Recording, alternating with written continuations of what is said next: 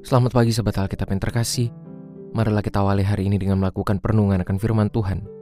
Bacaan Alkitab kita pada hari ini berasal dari surat Roma pasalnya ke-12, ayat 6 sampai 8. Demikianlah kita mempunyai karunia yang berbeda-beda menurut anugerah yang diberikan kepada kita. Jika karunia itu adalah untuk bernubuat, baiklah kita melakukannya sesuai dengan iman kita.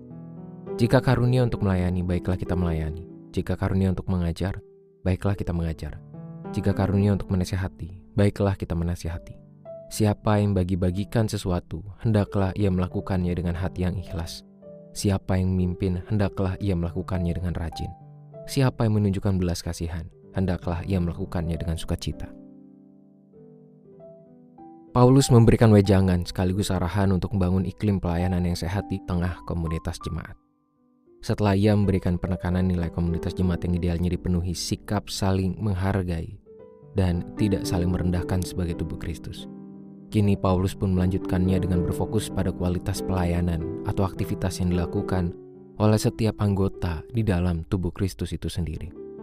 Beragam aktivitas yang muncul dalam kehidupan berjemaat atau beragam bentuk pelayanan yang dilakukan oleh para anggota komunitas hendaknya dilakukan dalam ketulusan dan sukacita Keduanya merupakan standar kualitas yang hendaknya muncul dalam setiap perilaku anggota jemaat pada saat melakukan pelayanan-pelayanan di tengah komunitas.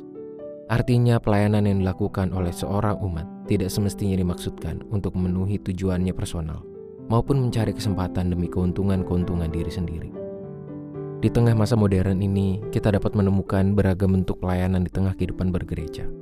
Dengan kata lain, terdapat banyak ruang yang dapat diisi oleh para umat Allah dengan berbagai aksi pelayanan sesuai dengan panggilan, kerinduan, dan kemampuannya. Mulai dari beragam aktivitas yang berfokus pada pembangunan peribadahan, pembangunan komunitas, hingga menjawab berbagai persoalan yang terjadi di luar gereja pun telah menjadi kesempatan-kesempatan bagi umat Allah untuk melayani.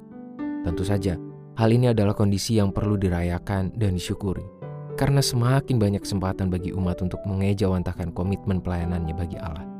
Namun kita juga perlu menaruh sikap kritis agar tidak justru terjebak pada formalitas tindakan maupun disorientasi fokus yang hanya tertuju pada jumlah. Padahal melalui tulisan Paulus ini, kita telah diingatkan bahwa pelayanan hendaknya diwujudkan dalam ketulusan dan penuh sukacita, entah di hadapan Allah maupun terhadap sesama.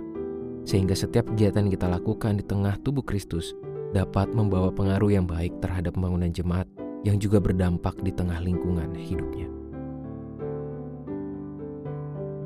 Marilah kita berdoa.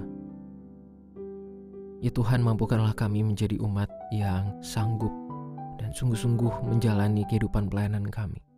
Melakukan berbagai aktivitas yang dapat kami lakukan, yang dapat kami wujudkan dengan kerelaan dalam ketulusan dan penuh sukacita.